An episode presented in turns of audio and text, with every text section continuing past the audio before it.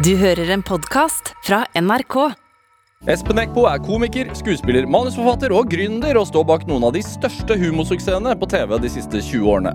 Han er også medeier i TV-produksjonsselskapet Seafood, som eh, står bak serier som Kompani Lauritzen, Parterapi og Nissen i bingen, der Eckbo både har manus og regi, og spiller flere av figurene.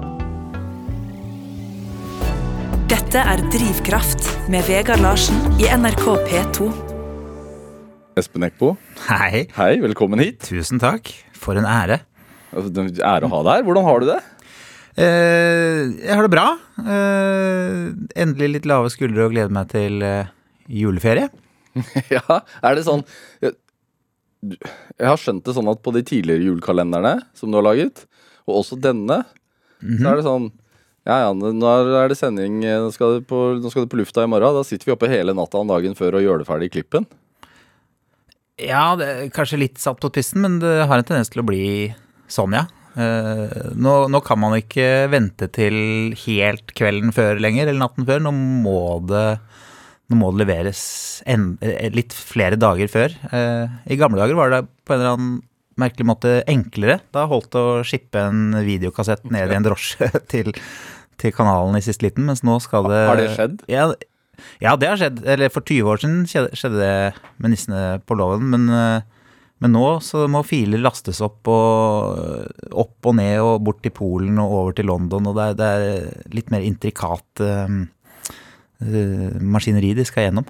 Men er, er det Er den derre siste opp mot deadline-jobbingen, er det et produkt av at du er perfeksjonist, eller at du er rotete? Ja, helt sikkert en blanding. Det Ja. Og det er like fortvilende hver gang. Og det ender alltid med at det er det man snakker om i, i promo- og lanseringssammenheng. Ja. Og da, så jeg, jeg blir litt oppgitt over meg selv. Men uh, så lenge resultatet lander på beina, så må man vel være fornøyd. Men er du kritisk da, underveis? Altså er det vel det at ja, den vitsen sitter ikke, da vi må ha inn noe Ja. annet? Ja. Ja, det, det er jeg. Får, jeg får fysisk vondt i kroppen når jeg ser at noe ikke funker. Og hvis noen prøver å få meg til å levere fra meg noe som jeg ikke Som jeg får den følelsen av, så, så setter jeg himmel og jord i bevegelse for å, for å slippe det. Er, er du Altså er du, en, er du kri, selvkritisk i forhold til Jeg, egne produkter? Ja, jeg, tydeligvis er jeg jo det, da. Men jeg kan ikke skjønne at ikke alle er det. Alle, alle er, er vel det. Ja. Ja. Eh, eller er man ikke det? Jeg, jeg, jo, det er jo det. Det er i hvert fall um, Nissen i bingen. eh, svært gode seertall. Eh, også denne gangen, holdt jeg på å si, med, med, med en runde med, med nissene. Og så Trodde du det på forhånd? Nei, jeg, jeg håpet vel å kunne eller ante et potensial, men eh, veien fram har vært fylt av eh, angst og uro og anger og eh, Ja. eh, så jeg har også kjent på følelsen av at dette kommer sikkert ikke til å gå noe bra, og det blir en liten skamplett eh, som jeg bare må leve med. Så, men jeg har vært forberedt på det òg. Ja. Men eh, når vi begynte å få ferdig de første episodene, så, så meldte det seg en sånn godfølelse som man kjenner på en sjelden gang, og som er ganske fin. Er det, er det de lange pausene som, som gjør at det fungerer? Altså i forhold til at du kunne jo levert julekalender hvert år? Ja, men det tror jeg ikke. Ja, det er jo ikke bare lange pauser, det er jo egentlig prosjekter som er tilbakelagt og ikke skal eh, gjenopplives, og så har det da skjedd nå to ganger at at jeg har blitt overtalt til å, å gjøre det igjen. Um, så, så det er nok uh, Ja, jeg, jeg tror det er viktig Eller det som Hva skal jeg si nå? Eh, jeg tror eh, det er det at man angriper det som om det var noe nytt, og at man må overbevise på nytt, og ikke tar noe for gitt. Det, det tror jeg er ganske viktig for, å, for å, at det skal lykkes. Hva skulle til for å overbevise deg denne gangen da, om at du skulle gjøre det? Ja, nå var det mm, Det var følelsen av at det var et, åpnet seg et litt sånn uni, nytt univers av vitser og betraktninger man kunne fråtse i, fordi reality-TV har forandret seg såpass at eh, man kunne gjøre det på en litt ny måte. Eh, Hvordan har det forandret seg til det bedre eller verre?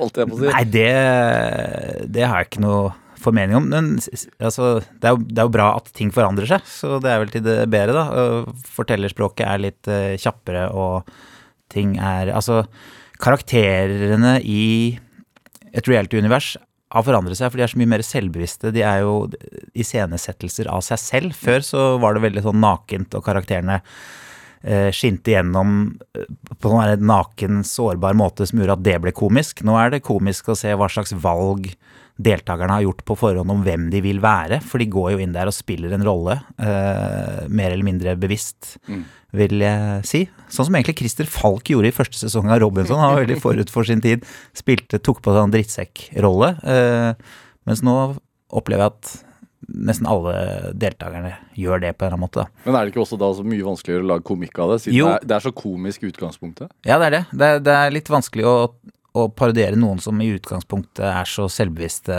og parodierer seg selv fra starta, på en måte. Så, så det var en nødt til å knekke. Hvordan skal vi få til det? Men da var det noe med friksjonen mellom eldre og yngre folk som også er litt komisk. At, eh, at når Ja, så, så det prøvde å få litt ut av det òg.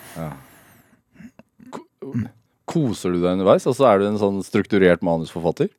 Er du På ingen måte. Eh, jeg, jeg skjønner ikke at du kan stille det spørsmålet engang. hvorfor, eh, hvorfor det? Hvordan Nei, jeg Om en er strukturert strukturert, Ja, hvis du har gjort Nei, altså jeg føler hver gang jeg snakker med noen om dette, så handler det om hvor ustrukturert og, og smertefullt det er. Kan hende det er koketteri, jeg vet ikke. Ja, nei, det er det ikke. Det er mye glede underveis i prosessen. Altså, det er jo alltid gøy å være overtrøtt, og galgenhumor er en forfriskende form for humor, men, men det er det det går i Um, underveis. Uh, så det er, ikke, det er ikke en nytelse å, å produsere noe som helst, vil jeg si. Men det er veldig deilig å, å Hvorfor gjør du det da?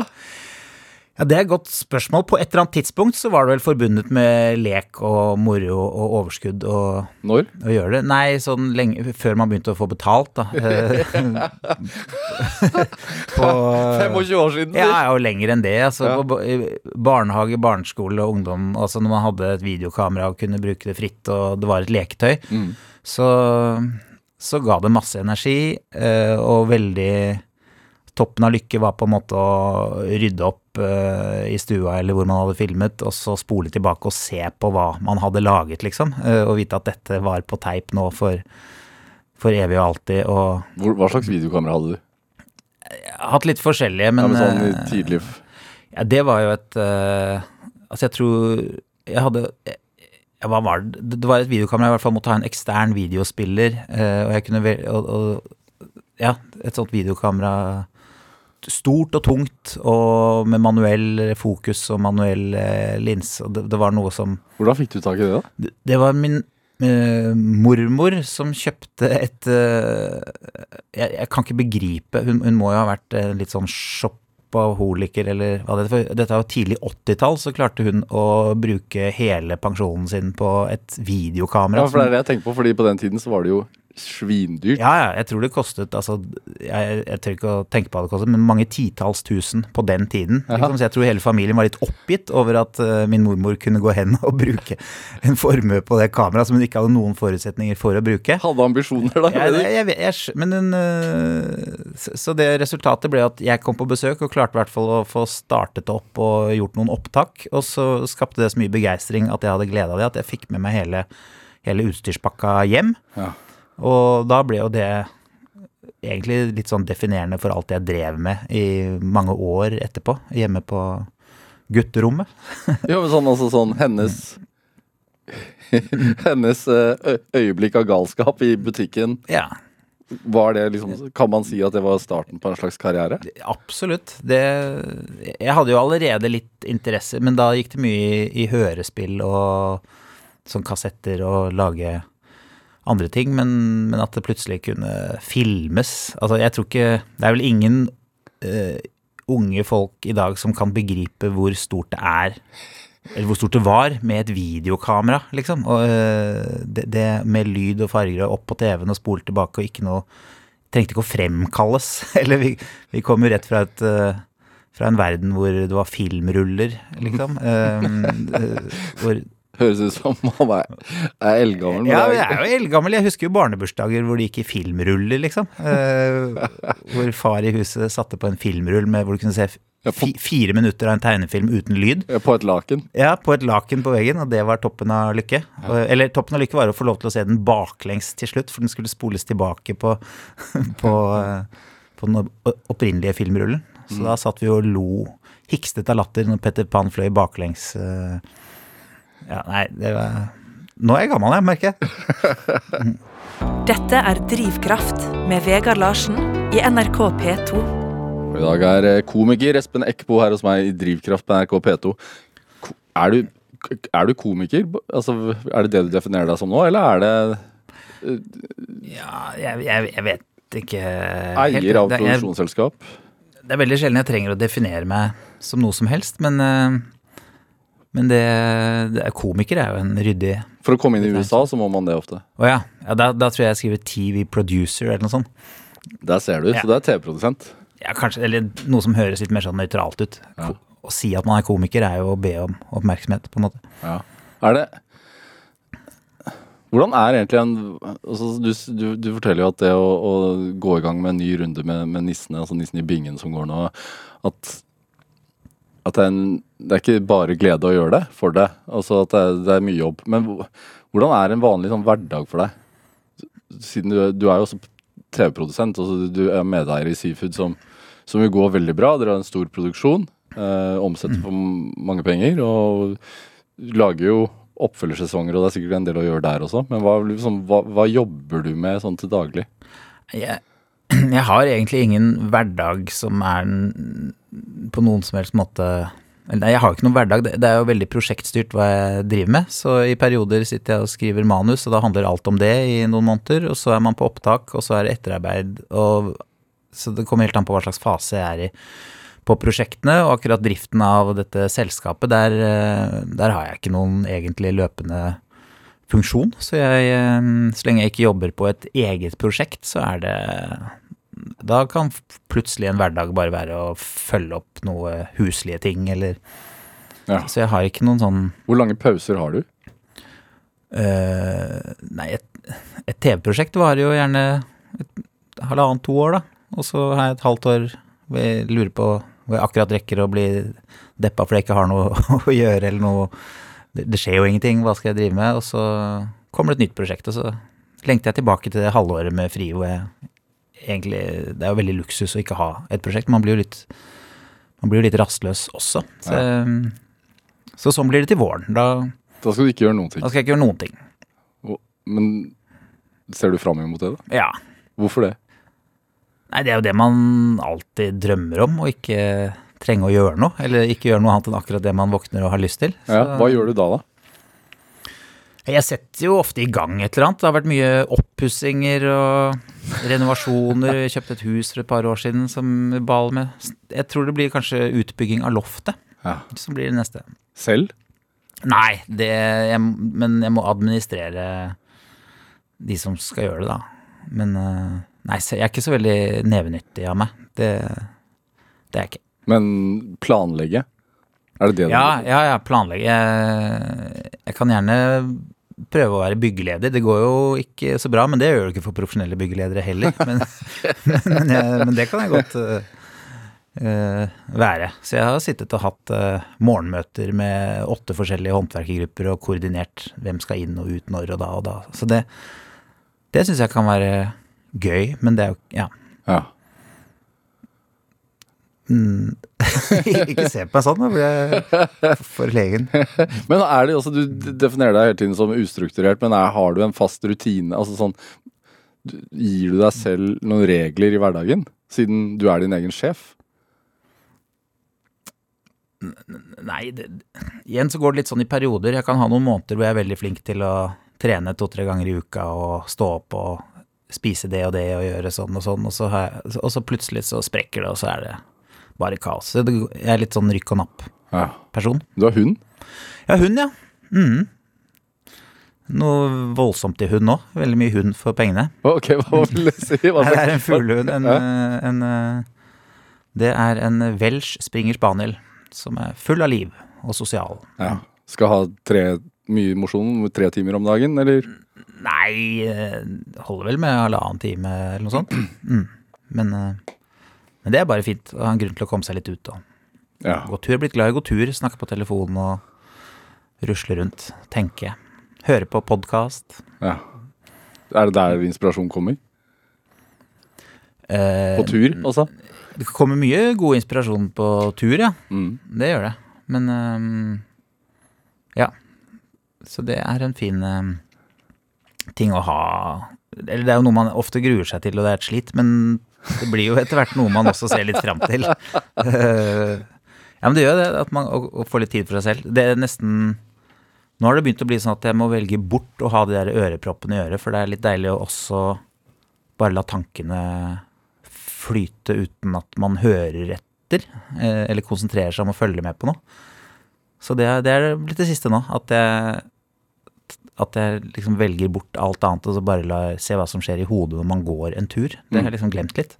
Hvordan ser det ut inni hodet, da? Hvordan ser det ut inni Nei, men det kommer jo Man grubler jo på ting og kommer på ideer og det, det er litt spennende å se Altså, hodet er jo en maskin som byr, kommer med tilbud hele tiden til hva du kan eh, fokusere på. Så det I en hverdag med så mye inntrykk, og man skal jo Jeg putter jo propper i øra selv når jeg skal legge meg. Ikke sånne sove i ro, men sånn setter på noe bråk i ørene, sånn at man får sove mens man hører på en podkast. Hva, sånn white noise, eller stemmer? Nei, nei men jeg, jeg synes Man bruker jo hver anledning man er alene, bruker man jo plutselig nå til å fylle på med inntrykk. Mm. Syns jeg. Det er i hvert fall min, det er sånn min hverdag har blitt. Mm. Putter alltid noe AirPods i ørene for å høre på noe hvis jeg først er alene. Men det er jo Og det er bra, det. Men det er faktisk også bra å ikke gjøre det. Å bare være Å være for seg selv. Eh, I tankene òg. Ja. Mm. Er det, i, forhold til det å, drive med komikk, da, altså 'Nissen i bingen' er en komiserie, du har laget veldig mye humor på TV. Er, er du Hvor samtidskritisk er du? På privaten kan jeg vel være samtidskritisk, men det er ikke noe Det er ikke en eh, hvordan arter det seg? Nei, jeg tror jeg kan bli ganske Jeg, jeg kan sikkert lire av meg ganske sånne forstokkede synspunkter eh, i private sammenhenger av og til, og så skammer jeg meg litt etterpå, og så Men det, det er bare sånn, sånn Ja, at jeg, jeg, jeg men, men utad så har jeg ikke noe glede av å skulle mene så mye. Uh, og jeg er veldig klar over at jeg ikke Jeg har sikkert ikke de mest reflekterte standpunktene rundt noe som helst, så jeg prøver å holde litt igjen og være åpen for at jeg tar feil om det meste, egentlig. Det- Syns du det er en fallgruve for mye komikk hvis du mener for sterkt? Ja, det er jo alltid gøy å høre på folk som kan formidle et eller annet standpunkt på en, på en eh, veldig krass og med, med litt sånn attitude. Jeg, jeg, Altså, jeg har hatt Johan Golden her, for Ja, ja, eksempel. ja, ja. En kollega av deg, eh, som, jo, som jo er på Nytt på Nytt. Og han har jo veldig sterke meninger, ja, eh, med humor. det er kjempegøy. Jeg, og jeg misunner alle som på en måte kan stå i det og formidle hva de mener på en måte som får andre til å le, enten man er enig eller uenig. Eh, men, men det er ikke noe jeg får til. Jeg, jeg blir liksom flau av å skulle mene ting for sterkt. For jeg, jeg, Hvorfor, hvorfor det? jeg driver alltid og konstruerer motargumenter mot det jeg sier i hodet hele tiden. Så jeg, jeg, jeg kan liksom ikke jeg, jeg mener, jeg, jeg vet ikke helt hva jeg mener, eh, ofte. Så da er det jo litt vanskelig. Og hvis jeg plutselig sier noe jeg mener, så blir det så veldig alvorstungt at det ikke det er ikke noe humor igjen. Men hvordan var det for deg da, sånn i fjor ved juletider, altså hele denne blackface-debatten og sånne ting? Ja, det var eh, Nei, det var et eksempel på da syns jeg det var Det eneste meningsfylte for meg å gjøre da, var å holde meg unna og se hva som utspilte seg eh, av argumentasjon i alle retninger. Og så Ja. Men jeg mente jo mye Selv? ja, på, ja, det gjorde jeg jo, men, men det er jo bare en sånn, noen sånne følelsesbølger som kommer. Så kan man ta seg selv i forsvar, og så kan man legge seg flat, og så kan man gjøre Altså der kommer jo alle reaksjonene på en gang. Men, eh, men jeg har ikke noe fasit på hva jeg mener om akkurat den problemstillingen heller. Jeg, jeg vet jo alt om hva min egen intensjon var, og hvilken kontekst jeg gjorde det i, osv. Så, videre. så men, Altså, men, Ernst Øyvind Tvedt, eh, som var med i 'Nissen over skog og hei', eh, det ble debatt rundt om det var blackface eller ikke, om det var og, og om den serien skulle få lov til å ligge på nettet og eksistere i dag. Ja. I, altså, i, sett i lys av den nye polit, den nye politiske virkeligheten, da. Mm. Um, men du har jo, selv om du ikke mente så mye den gang, så har du jo tatt med fetteren hans i denne julekalenderen. Og det er jo en slags kommentar. Ja, det er kanskje det, eller jeg, jeg, vet, ikke, jeg vet ikke engang hva slags kommentar det er. Det er, Nei, det, Hvorfor, hvorfor valgte du å gjøre det, da? Uh, det er fordi at jeg syns at uh, den personligheten uh, bakom Bakom alle, alle de All hudfarge og alt er liksom for god til å Eller jeg er så glad i det vesenet, så jeg prøvde å kjempe litt for å få han tilbake uh, i en eller annen form, og så og så var det jo om å gjøre å finne en måte å gjøre det på som var litt morsom, da, i lys av alt som hadde utspilt seg. Og så, så Det er ikke sånn at jeg begynner med en mening jeg har lyst til å få frem, og så prøver å finne ut av hvordan kan denne meningen komme frem ved at jeg gjør sånn. sånn. Det er mer at jeg føler en sånn intuitiv magefølelse på hva, hva blir gøy og interessant, og hva kan man gjøre ut fra dette. Og så, hvis noen klarer å lese en mening inn i det etterpå, så er det kanskje riktig eller kanskje feil, jeg vet, men det, det var i hvert fall intuitivt eh, Det føltes intuitivt riktig å gjøre det på den måten, som, som vi endte med å gjøre det på. Men det var ikke noen lettvint løsning. Det var jo mye grubling frem og tilbake på hva, hva kan vi få ut av dette. Og det eneste jeg visste, var at å ikke adressere det på noen som helst måte, det ville vært eh, for slapt, liksom. Da, det, det hadde vært ned. Da hadde jeg ikke Feigt? ja, det var feigt og Ja, rett og slett. Det er jo en når, når noe sånt oppstår, så er det jo en slags invitasjon til eh, til dans, på en måte. Eller det, er jo, det er jo en utfordring som egentlig er interessant og morsom. Man får, man får en pasning, og så hva gjør du? Nå har du ballen, hva gjør du? Eh, så det å bare legge den død og ikke Og late som man ikke har Det, det, det var aldri aktuelt. Så selv om noen rundt meg nok hadde vært eh, mer komfortabel med at man bare tenkte på noe helt annet, så, så var det jeg som ivret for det. ja, vi kan ikke, vi, jeg må. Og det var jo allerede nok å gjøre, og vi lå nok etter på tid og alt, men, men det føltes viktig å gjøre de endringene som måtte til for å få plass til akkurat den lille Hvorfor var det viktig da, for deg? Hvorfor, hvorfor var det så viktig at du presset igjennom, holdt jeg på å si? Jeg tror det ville vært et antiklimaks eh, både for meg og for mange hvis ikke det dukket opp på noen, i noen som helst form i en ny sesong. Ja. Så det Ja. Og det er liksom din kommentar til det hele? Ja, ja, det er jo det. Jeg har ikke kommentert det på noe særlig annen måte. Er, er, det, er humor vanskeligere nå? I forhold til det? I forhold til at man må være forsiktigere med tær man tråkker på? Jeg vet ikke, det er jo på en måte det alle sier og er redd for, så, så det er vel eh, kanskje det, da. Et, Men hva syns du? Hva? Hva, hva syns du?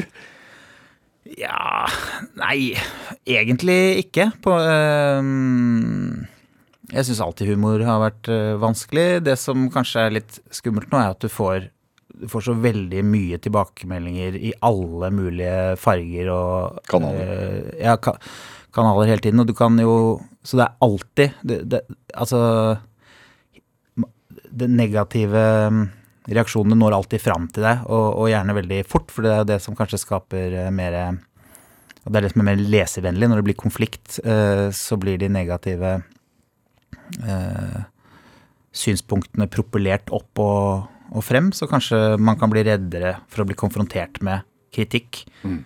Um, kanskje, men Nei, jeg vet ikke. Jeg kjenner ikke så veldig mye på det. det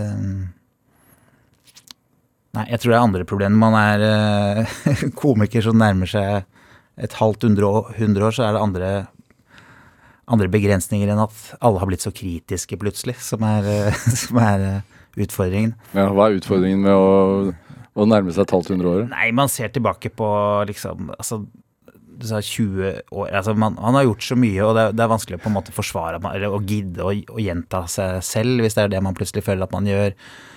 Å bli en sånn vitsemaskin som ikke har nok nytt å komme med, det, det kan man kjenne på er litt sånn Hvis, hvis man plutselig er der, mm.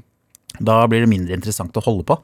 Så da gjelder det å omskolere seg i tide, da. Mm. Har du kjent på det nå? Ja, det, det har jeg kjent på. Uh, at det- det er liksom en helt annen opplevelse å skulle bare dri, drive med humor fordi det er jobben din, enn å drive med det fordi man føler at man har noe nytt og unikt å, å vise fram. Ja.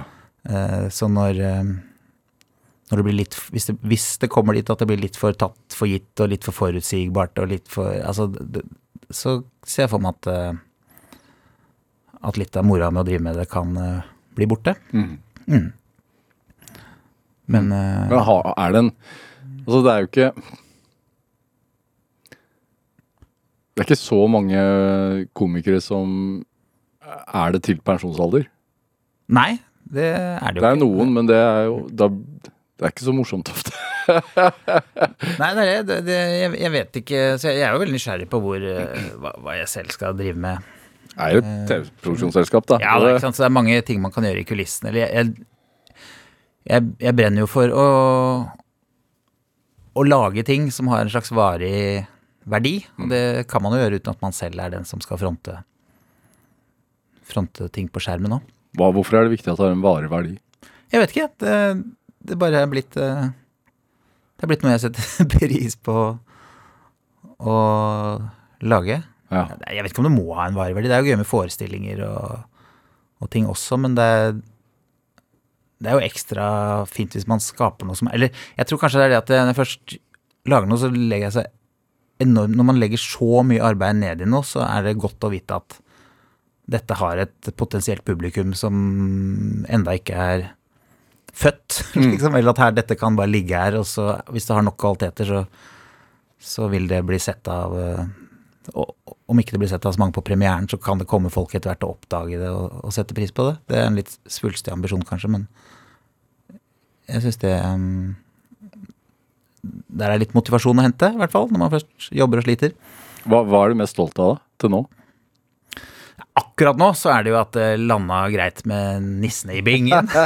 Og der hvor du også traff eh, nye generasjoner, da. Virker det som, i hvert fall, fordi strømmetallene er kjempegode. Ja, det er helt fantastisk. Og det er eh, Ja, så akkurat nå er jeg i en litt sånn eh, Går jeg litt på skyer. Det må jeg jo bare innrømme. Og det er en veldig stor lettelse. Ja. Eh, Espen Eckbo, vi skal spille litt musikk. Du er jo en eh, uttalt Michael Jackson-fan. Det er jeg. Du har til og med vært Du var på begravelsen hans, eller på seremonien. Ja. Du reiste til USA. Dro til LA, ja. Ja. Og hang rundt som en eh, sånn eh, Ja. Du og Steinjo, eh, som også er komiker, Ja. var der borte.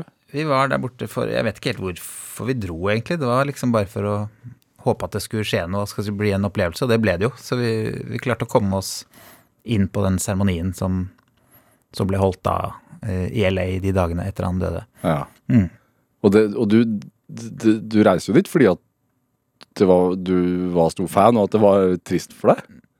Eller? Ja, ja, det ble jo det, Ja, ab absolutt. Mm. Uh, Når starta det forholdet? For, forholdet det, det var jo eh, Nei, det, det begynte Det begynte tidlig med at eh, jeg ble introdusert for, en, for, for thriller på kassett eh, av en onkel, og så ble det Så fikk jeg mast meg til et et sånn eh, plakathefte om fyren. Eh, det hang i kiosken med mamma en gang. Så plutselig så hadde jeg da 24 plakater av Michael Jackson fra det heftet som jeg bare smalt opp på veggen fordi jeg hadde lyst til å ha plakater på veggen, for det skjønte jeg var kult. Og så når alle de plakatene var der, så blir man jo Jeg ble vel hjernevasket av de plakatene etter hvert. så Jeg ble jo mer og mer opptatt av av eh, den skikkelsen, da. Eh, ja, og så bare satte det i gang en livslang eh, relasjon. Ja, Hvordan er det når eh, alt som har kommet frem eh, altså, Ja, blir- nei, det har jo Altså, han blir jo ikke noe mindre interessant som kunstner av å ha et såpass kontroversielt øh, privatliv, så, så det, det har aldri vært kjedelig, liksom. Men, men jeg er ikke noe sånn Nei, det, det er også et uh, tema hvor jeg ikke Jeg orker ikke å engasjere meg i Nei. Men det å være fa fan av noe, Ja, ja. hvordan er det? Ja, det er helt nydelig. å ha Ja, det er jo Det unner jeg jo alle, uansett hvem de måtte være. Det å bli så dedikert interessert i i noen. Uh, Det gir deg jo masse livsglede og en inngangsport til mange andre ting også. Så, så det er jo helt sikkert mye jeg har tatt med fra den begeistringen for Michael Jackson inn i det jeg driver med. Om det så bare er arbeidsmoral og vilje til å strekke seg langt for å få til ting. Og, altså mye Så jeg tror eh, Ja. eh, uansett hva som er de objektive kvalitetene til den som man måtte eh, idolisere, så tror jeg det å ha, ha noen å strekke seg etter, og noen som gir deg påfyll av energi, liksom, bare ved å være din eh, En man har fulgt og kan masse om og er interessert i, det, det er kjempeverdifullt. Ja. Men man kan selvfølgelig velge seg sikkert mer eleverte skikkelser enn Michael Jackson. Det er, det, det er jo, jeg skulle ønske at det var en eller annen klassisk komponist eller filo... Altså det, er mye jeg kunne ha eh, Men for meg ble det Michael Jackson. Og det man kan Passer Ullevål Hageby bedre hvis det hadde vært en hvis det var Rachmaninov eller noe? Sånt? ja, et eller annet sånt. Så det er Men, eh, men det var sånn det ble, og jeg, jeg, står, jeg står for det. Ja. Mm. Working Day and Night. Ikke den liksom største hiten. Hvorfor den låten? Nei, er det ikke det? Nei, eh, den låten, det, det er det vi skal høre nå. Ja. Uh, dette her er Michael Jackson på sitt uh, råeste, vil jeg si. Han er 19 år gammel.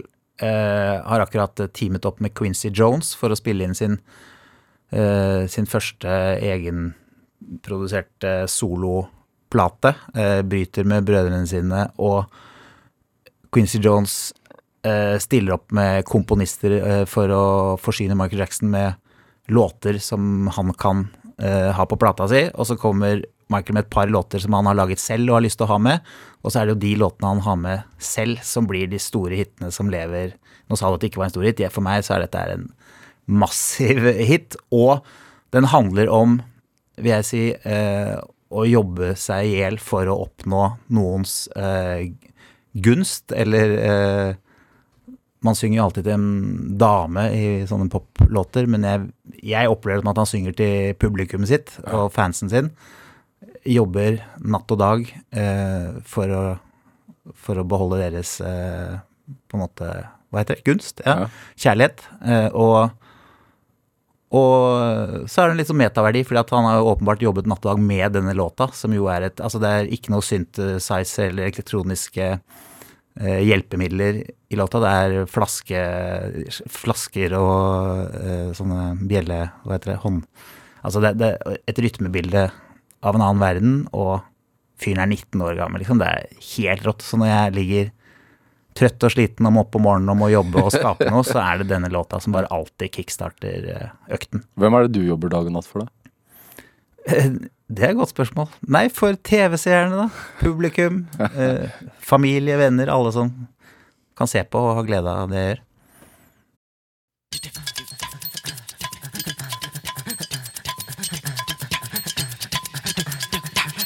Ooh,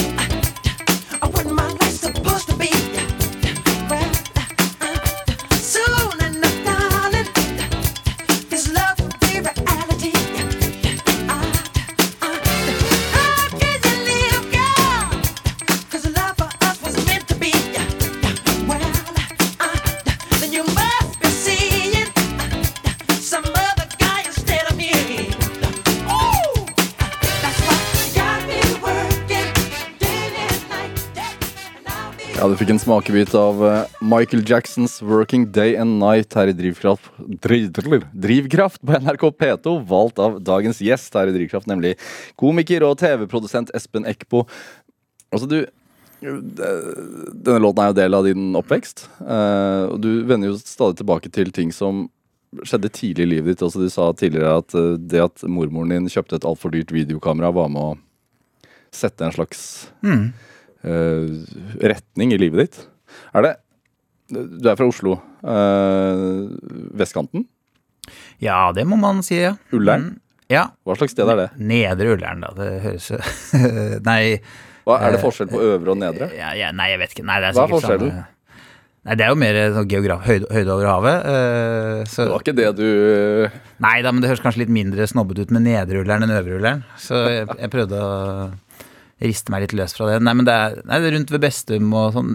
Uh, men det var et helt nydelig sted å vokse opp, det vil jeg si. Mm. Mm. vokste opp Så- Hva? Du vokste opp hos moren din? Ja, med faren min eh, et par steinkast eh, unna. Ja. Når skilte de seg? Nei, de var, de var vel aldri Det var ikke noe skilsmisse inne i bildet. Jeg var et moderne barn, sånn sett. Ja. Så um, alltid bodd med moren min, og så hatt faren min litt utenfor, men ikke langt unna. Hvordan var det på Altså da du vokste opp? Det var ikke så vanlig, det. Nei, jeg Men jeg, jeg, husker, jeg, jeg husker det bare som en sånn noe som gjorde meg litt uh, mer interessant. Uh, jeg husker en barneskolelærer, altså ordentlig sånn andreklasse på barneskolen, som, som ga meg ros og sa at du er en så hyggelig og flink gutt, du som bor Eller hva var det hun sa? Du som er enebarn og skilsmissebarn og alt mulig. Eller at hun satte ord på det som om forventningene skulle være mye lavere til meg ved at jeg hadde den som jeg, Det var ment som en sånn ros, men jeg skjønte ikke helt hvordan det Mm. skulle forstås. Men eh, jeg skjønte at det var begeistring, men at Ja. øh, at det var noe spesielt. Men det har jeg aldri opplevd som noe negativt. Egentlig følt meg veldig privilegert hele veien. Vært øh, skjemt bort med oppmerksomhet og presanger og bare skummet kremen av, eh, av det å ha to foreldre som ikke bor sammen. Oi. Og, og eh, en, eh, man får en bra Det får man kanskje når man har to foreldre i samme hjem også, men Kunne du se de forskjellige hjemmene? ja, det er det. Det blir, det blir en sånn et lite studie i ulike dynamikker i ulike hjem og med ulike mennesker som, som jeg tror eh, Kunne du løpe mellom hjemmene? Sånn fritt? Eller var det liksom en periode der og en periode der? Nei, jeg, jeg bodde hos moren min, og så var, var det nok eh, mer eh, høytid å komme til far eh, og hans univers. Ja. Så da Hvordan var de forskjellige universene? jeg, vet- jeg, vet, jeg, jeg var mye mer selvbevisst når jeg var hos faren min. Prøvde å passe inn, på en måte. Mens hos moren min så var det jo, var jo Der var jo skuldrene lave, og alt var vanlig, på en måte. Mens det var mer at jeg ble Jeg følte meg mer utfordret når jeg skulle prøve å passe inn i Passe inn i det andre hjemmet, som ikke var noen andres skyld. Det var bare sånn jeg opplevde det. Eh, men det Fordi skillet nedre Ullern og øvre Ullern gikk nesten i den gata? holdt jeg på å si. nei da. Nei, det er mer Faren min Nei, det, det er bare to veldig ulike øh, hjem, liksom. Så Men det Jeg tror ikke det har slått ut på noe annet enn at jeg har øh, Jeg har kanskje blitt litt mer observerende i, i oppveksten, og mer selvbevisst på hva jeg kan si og gjøre, og hvordan jeg kan oppføre meg ved middagsbordet i ulike hjem. Hvordan måtte du sitte hos faren din? Nei, jeg måtte ingenting, men man, det ender jo med at man gjør godt inntrykk. Det er ikke der jeg begynner å Eller det var ikke noe sånn eh, Det var ikke så mye opprørsvilje, eller Jeg var ikke sånn type som ville utfordre min plass, akkurat. Nei. Nei. Hva, hva gjorde moren din da du var barn? Hele livet så har hun øh, jobbet og øh, Ja, hun driver klesbutikk. Jeg, jeg tror hun er veldig ukomfortabel med at jeg snakker om privatlivet, så jeg, jeg blir litt reservert. Men hun klarte seg helt supert på egen hånd og skapt en ja, et flott hjem og en flott oppvekst for meg. Hvor reservert er du i forhold til privatlivet? Ehm, jeg er nok sånn Ryggmargsrefleksen min er å være reservert, men så kan jeg jo plumpe det og bare by på altfor mye også. Så mm. Er det I 2021 så er det jo uvanlig å være reservert for, i forhold til privatlivet sitt når man er en mediepersonlighet. ja, stemmer det. Ja, nei, det er ikke Jeg er ganske langt unna å by på meg selv på den måten, jeg. Mm, Hvorfor, er det en sjenanse, eller er det Nei, jeg føler at uh, hvis man gjør det for mye, så blir jo det koketteri og falskt. På, fordi plutselig så og, og man kan forstørre negative sider ved seg selv bare for oppmerksomhetens skyld, eller negative opplevelser. Altså, jeg, det føles ikke sunt, syns jeg. Jeg tror uh, man kan godt Altså, man Det er greit å stå fram med alle mulige problemer for å hjelpe andre, men man kan jo også mistenke at man gjør det for å for, for sin egen del og for oppmerksomhetens skyld. Eller jeg vil i hvert fall ikke bli mistenkt for det, da. Men ble du ble, så Uttrykksbehovet ditt, for det har du jo. Ja, Er det Det- medfødt, tenker du? ja det, det tror jeg. Det, jeg kan ikke forstå det på noen annen måte når jeg husker tilbake på hva man holdt på med ordentlig sånn tidlige barneår, fire-fem år, og lagde radio, og hørespill og fant sammen med venner som likte å gjøre det samme. Det, det var bare en sånn Det er en sånn blanding av medfødt interesse og at du har folk rundt deg som er med på greia. Mm. Så Så ri, ganske rik eh, Rikt indre liv, da. Altså en fant, stor fantasi. Ja, jeg tror det er veldig Og som Jeg vokste jo Jeg har noen halvsøstre nå, men vi vokste jo ikke opp eh, sammen, så jeg var jo mye alene. Jeg var jo enebarn som hadde Og moren min kjente meg bort, jeg hadde det største rommet i huset. Hun drev klesbutikk, kom hjem med masse klær fra lageret som ble kostymeavdelingen, liksom. Og jeg Så hun, hun stimulerte jo på en måte det at jeg skulle kunne mm, ja, drive med de tingene, og jeg syntes det var kjempegøy. eh, Så mm, Og da får ja, man får mye tid til å utvikle et rikt indre liv når man er enebarn, tror jeg. Ja. Mm. Var du sosial, da? Jeg kunne være det òg. ja.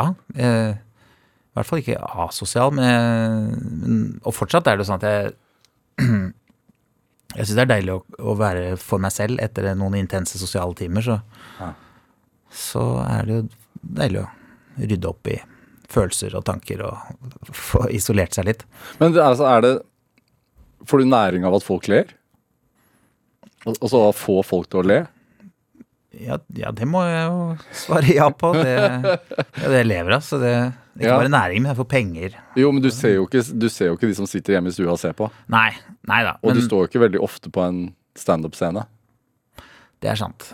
Nei, men gode tilbakemeldinger og oppmerksomhet eh, for det man gjør, er jo eh, Det er jo en kilde til motivasjon, det. Ja. ja, fordi du eh, jeg vet jo at du var, var en, Det var en periode du skulle bli jurist. Mm.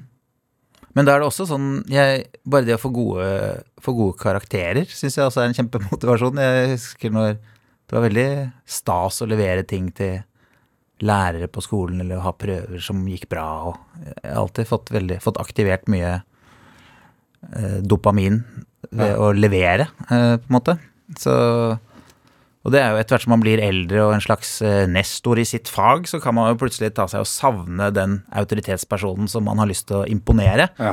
Eh, For én ting er å glede et publikum uti der, men egentlig den største motivasjonen er å ha én fyr eller et miljø eller noen man liksom har lyst til å vise at dette får jeg til, og jeg håper du liker det. Og, hva, og da, er det egentlig, da spiller det ingen rolle hva alle andre syns, hvis du klarer å treffe den ene du har lyst til å vinne anerkjennelsen til. Har de forandret seg opp igjennom for deg? Altså har du byttet ut Eh, ja, det går jo litt sånn i, i perioder hvem det kan være. Det er veldig En en annen sånn fin dynamikk som oppstår, er jo å bli det som Atle Antonsen kalte for humorforelska. Man finner en makker, og så deler man noen eh, ideer og en humor som, som bare gjør at begge får energi, eller, eller liksom, Det kan vel være flere enn to òg, men at man Da er man i en sånn rus som varer ja, som et forhold, på en måte. Enten så brenner det ut, og så blir man Så er man bare venner etterpå. Eller så er det noen som får det til å vare i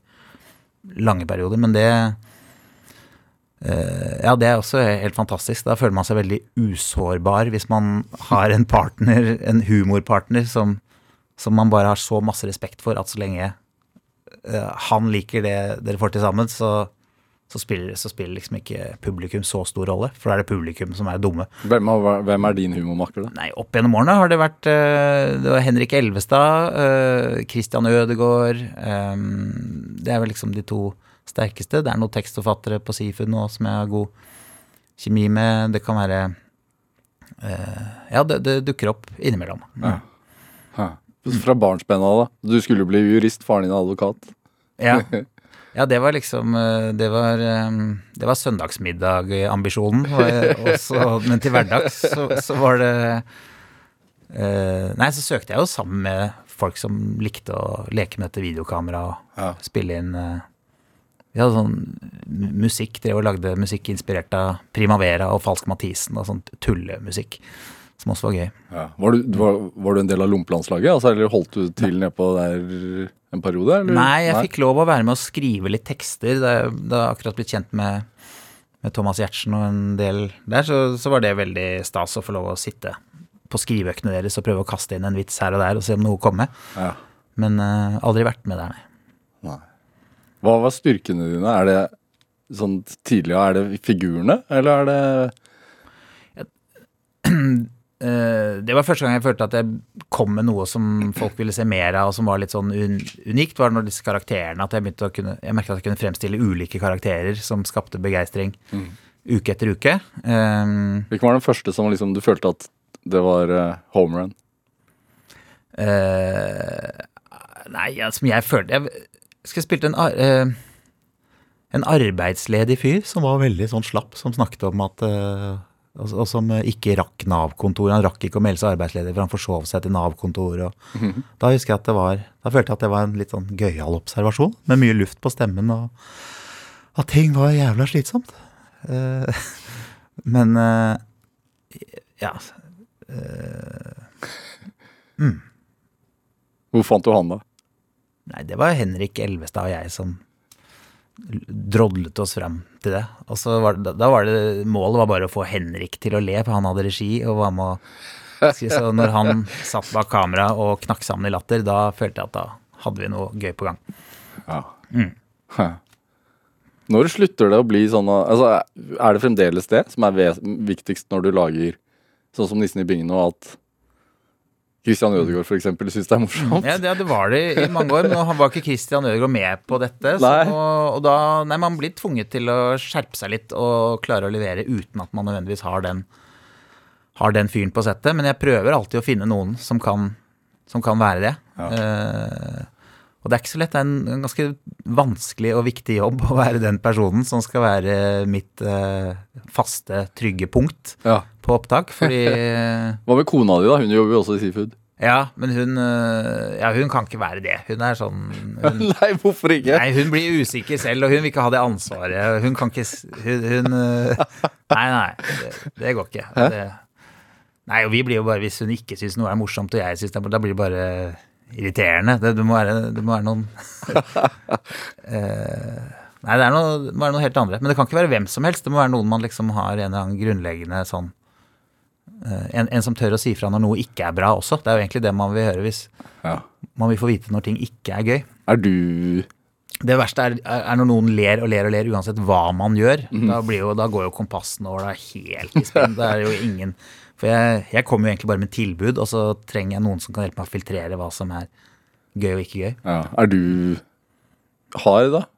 Overfor de som bruker deg som kompass nå?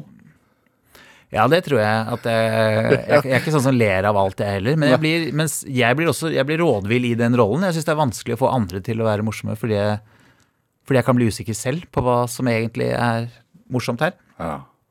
Eh, Men jeg ser det tydelig i etterarbeid. Når vi skal klippe ting sammen, så ser jeg med en gang hva som funker og ikke funker. Og da, for da har du mer, flere parametere å jobbe med, og du kan sette det opp, og du kan forløse ting med musikk og klipperytme og sånn. Men, men på opptak så kan jeg kan jeg fort bli usikker. Og da gjelder det å ha noen strategier for å skape trygghet på settet, og ikke, så du ikke får 24 skuespillere mot deg som lurer på hva i helvete driver du med? Hvorfor står vi her med nisselue på og prøver å Ja. Ja. Kan usikkerhet også være en styrke? ja, ikke bare kan være, men det er, jo, det er jo helt avgjørende. For det er jo den usikkerheten som gjør at du leter etter fast grunn under føttene og noe som du vet er morsomt. Så folk som ikke kjenner på den usikkerheten, har jeg null tillit til. Dette er Drivkraft med Vegard Larsen i NRK P2. Og I dag er komiker og, og TV-produsent Espen Eckbo her hos meg i Drivkraft på NRK P2. Eh, du ødela ryggen for noen år siden. Fem år siden. Ja. Ja, Hvordan er den i dag? Nei, den er ganske, den er ganske bra. Eh, har noen spasmer i leggene og litt, eh, litt småplukk som eh, Spasmer i leggene? er sånn, det? det, er akkurat som det er noen levende dyr i leggen som lager mye bevegelser og Hele tiden? Ja, men ikke sånn Ikke voldsomt, men eh, det er en slags underholdning jeg har i, i leggene. Mm. Er, du, er det rygg, i ryggen? Er det Ja, operert? skaden skjedde i ryggen, men det er jo nervetråder som strekker seg nedover i eh, hele, hele kroppen. Så, så er det de nervetrådene i ryggen som er skadet, som medfører at, at det skjer noe originale ting andre steder. ja. Mm. Hvordan Det var en Altså, det var en veldig alvorlig ulykke. Ja. Altså, det kunne gått skikkelig gærent. Ja, det, det kunne jeg. Hvordan var det, det er et Klassisk spørsmål, holdt jeg på å si, men hva Mm. Hvordan var det i ettertid? Altså hvor lang tid Nei, jeg, eh, det jeg sitter igjen med, er bare et inntrykk av at dette var en spennende opplevelse. Eh, ikke noe traumatisk på noen som helst måte. Mange Det ble en eh, Ja, det ble bare noen annerledes et, et, Ja, en eksotisk periode. Um, med mye oppmerksomhet og fri. Ja. Og sånn sett egentlig bare noe Altså, det var jo vinn-vinn på en måte for min del. Ehm, og mange Ja, så jeg vet ikke om man kan si at det er noe jeg ikke ville vært foruten. Det er jo helt absurd, men det, men det Men da fikk du noe igjen for det også? Jeg? Ja, siden du ser på det som en sånn positiv Ja, ja, og, og det er jo fælt å si det, og det er kanskje mange andre som ikke har den eh, Eller mange andre kommer ut av tilsvarende ulykker med mye mer skjebnesvangre konsekvenser, så jeg var jo utrolig heldig, Ja. men Men eh, Ja, så jeg Så det var flaks. Ja. Mm. Er det Er det sånn at eh, For mange som går gjennom det sånn, sier jo sånn at da lukter eh, blomsten litt annerledes etterpå og sånn. Ja. Var det noe Nei, for jeg hadde ikke den der nær døden Nei. noe som helst. Det var, eh, det var ikke det, altså. Så Men eh, jo, man kjenner jo på en sånn Men jeg, jeg tror det, man får jo så mye medisiner eh, etter noe sånt, så jeg tror alle følelsene man gjør seg da, eh, det, det er jo mye styrt av eh, piller og Mm. injeksjoner. Men summen er i hvert fall at jeg bare husker det som en hy hyggelig periode. ja. Og jeg opplevde å være på, på sånn rekonvalesens. Altså man Jeg har lært Eller det, før dette skjedde, så hadde jeg hørt om Sunnaas som et sånt forferdelig sted hvor man kan ende opp hvis ting går ordentlig gærent. Mens når du er der, så, så er det egentlig et sted fullt av optimisme og, og fremgang, og mennesker som er takknemlige for at det ikke gikk verre. Um, så, så alle som er så heldige å komme til Sunnaas, de har jo på en måte de er jo i hvert fall der, men de kunne jo vært døde. Så, uh, sånn, sånn er Det var det som slo meg der. ja. Så det var mye, my, et mye mer oppløftende sted å være enn jeg hadde hørt om på forhånd. Ja. Hvordan er humøret ditt generelt? Altså Det å se positivt på en sånn ulykke er jo stort i seg selv, men er du sånn Har du veldig høye topper og veldig lave bunner, eller er det skjedd? Ja, det er litt sånn uh, virvelvind inni meg, tror jeg. Jeg er uh, På sånne personlighetstester så scorer jeg høyt på nevrotisisme, som det heter. Og er uh, Jeg tror jeg, jeg sliter meg litt ut med følelser i Jeg kan, bli bråstressa eh, for noe som kanskje egentlig er en bagatell. eh, sånne ting. Mm. Men jeg kan også kjenne på enorm og plutselig glede og takknemlighet. eh, hvor jeg blir helt Jeg kan få klump i halsen og bli rørt over merkelige ting. Mm. Hvordan er jula hjemme hos deg, da? Blir du rørt av den? Ja, det, det når ting er i harmoni og stearinlysene brenner og det lukter julemat og, Ja. og, te, og, og alle er venner og det er bare Ja, da kan jeg bli ordentlig rørt og sentimental og alt på en gang. ja. Eh, mm. Går du rundt treet? Jeg liker å gjøre det, men det er ikke så ofte øh, det blir til det. Men på julaften, jo i hvert fall svigerfamilien min, så er det rundt juletreet. Jeg liker det. Ja.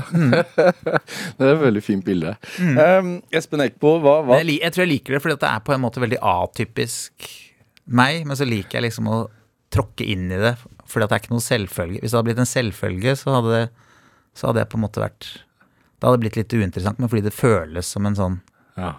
Det føles som en gest.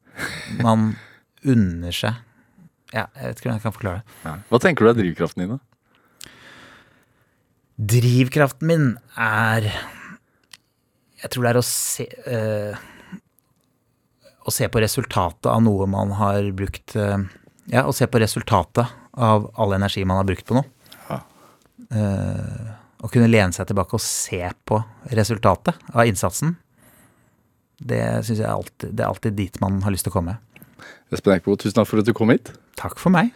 Produsent i dag var Guro Thomasdatter Aasholm. Anne Sofie Stang bidro også sterkt til denne sendingen. Jeg heter Vegard Larsen og ønsker alle dere som hørte på, en riktig god jul. Vi høres. En podkast fra NRK.